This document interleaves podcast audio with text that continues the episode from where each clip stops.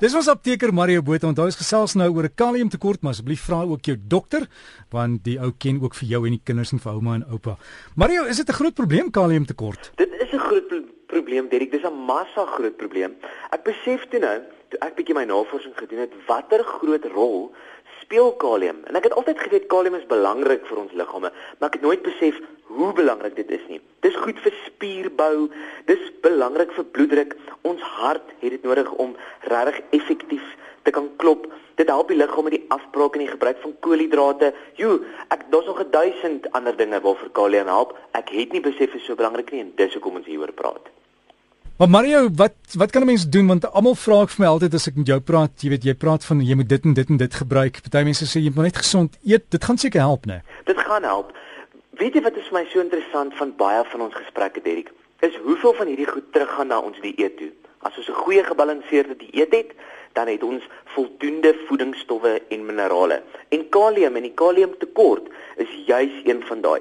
Kosse wat dit insluit, byvoorbeeld avokado's, gebakte aardappels. Oeg, was niks so lekker.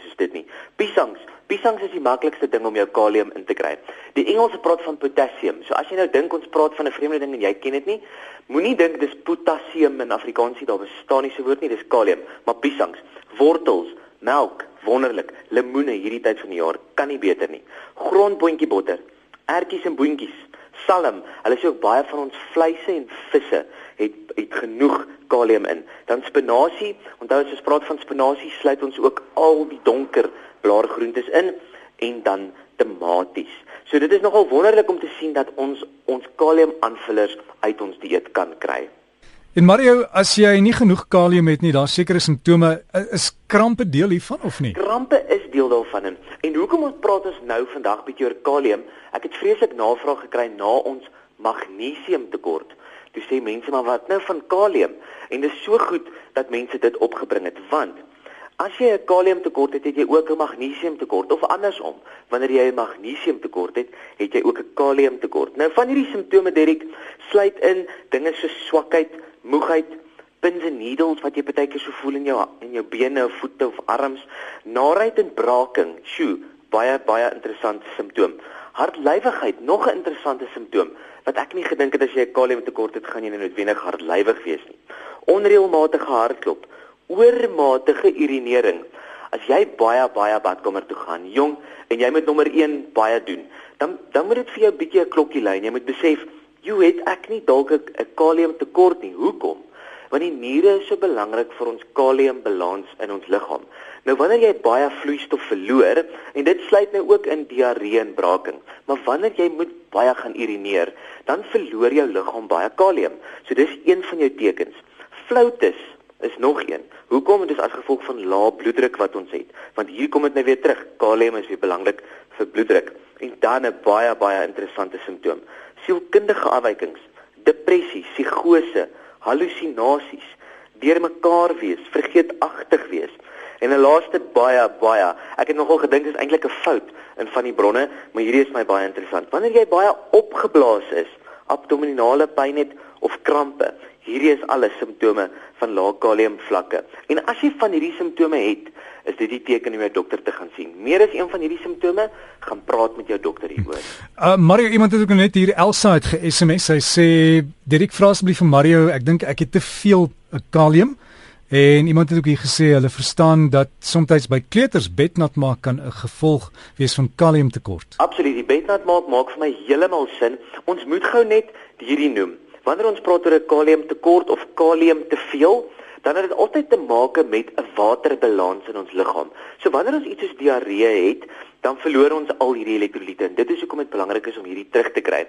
So baie van die simptome het te maak met water. Kom ons trek dit nou terug na die kleuter toe wat bednat maak. Dit is ook 'n ding waar kalium 'n rol speel. So wanneer boetie of sis regtig 'n probleem het daarmee en jy het nou alles gedoen en dit is nie 'n sielkundige ding nie, kyk of daar nie 'n kaliumtekort is nie. Dit is baie keer by kleuters wat regtig nie goed genoeg eet nie. Die ete wat nie genoeg kalium in dit nie. So probeer, veral wanneer hulle bed toe gaan, kry sommer 'n halwe stukkie piesang en laat boetie of sussie daai halwe stukkie piesang eet. Die ander vraag was nou oor die oor die oormatige kalium. Ja, dit is moeilik om dit raak te sien. Ek dink vir ons in ons alledaagse lewe weet ons nie noodwendig nie, maar wanneer jy hierdie vermoed, gaan na jou dokter toe. Hulle kan selfs 'n kaliumtekort of te veel optel met 'n baie interessante toets soos 'n EKG.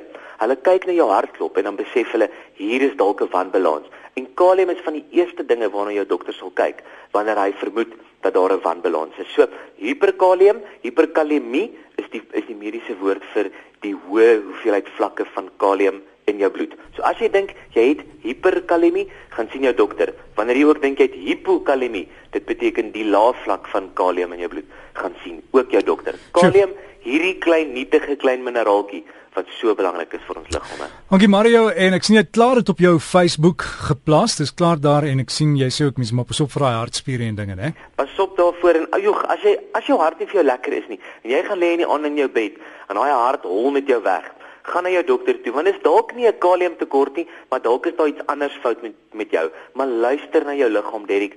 Dis so belangrik. Luister na dit wat gebeur, voel wat jy ervaar in jou liggaam en as iets nie vir jou lekker is nie, daai stemmetjie sê vir jou, gemaak werkie van. Dit is daai stemmetjie waarna jy moet luister en gaan dan na jou dokter toe. So gesels ons met Mario Botha, apteker. Onthou gesels ook met jou dokter soos Mario sê en hy's ook op Facebook uit klaar die inligting daaroor die kalium gaan plaas potassium en jy gaan loer maar net by Mario Botha almekaar, mariobotha.apteker.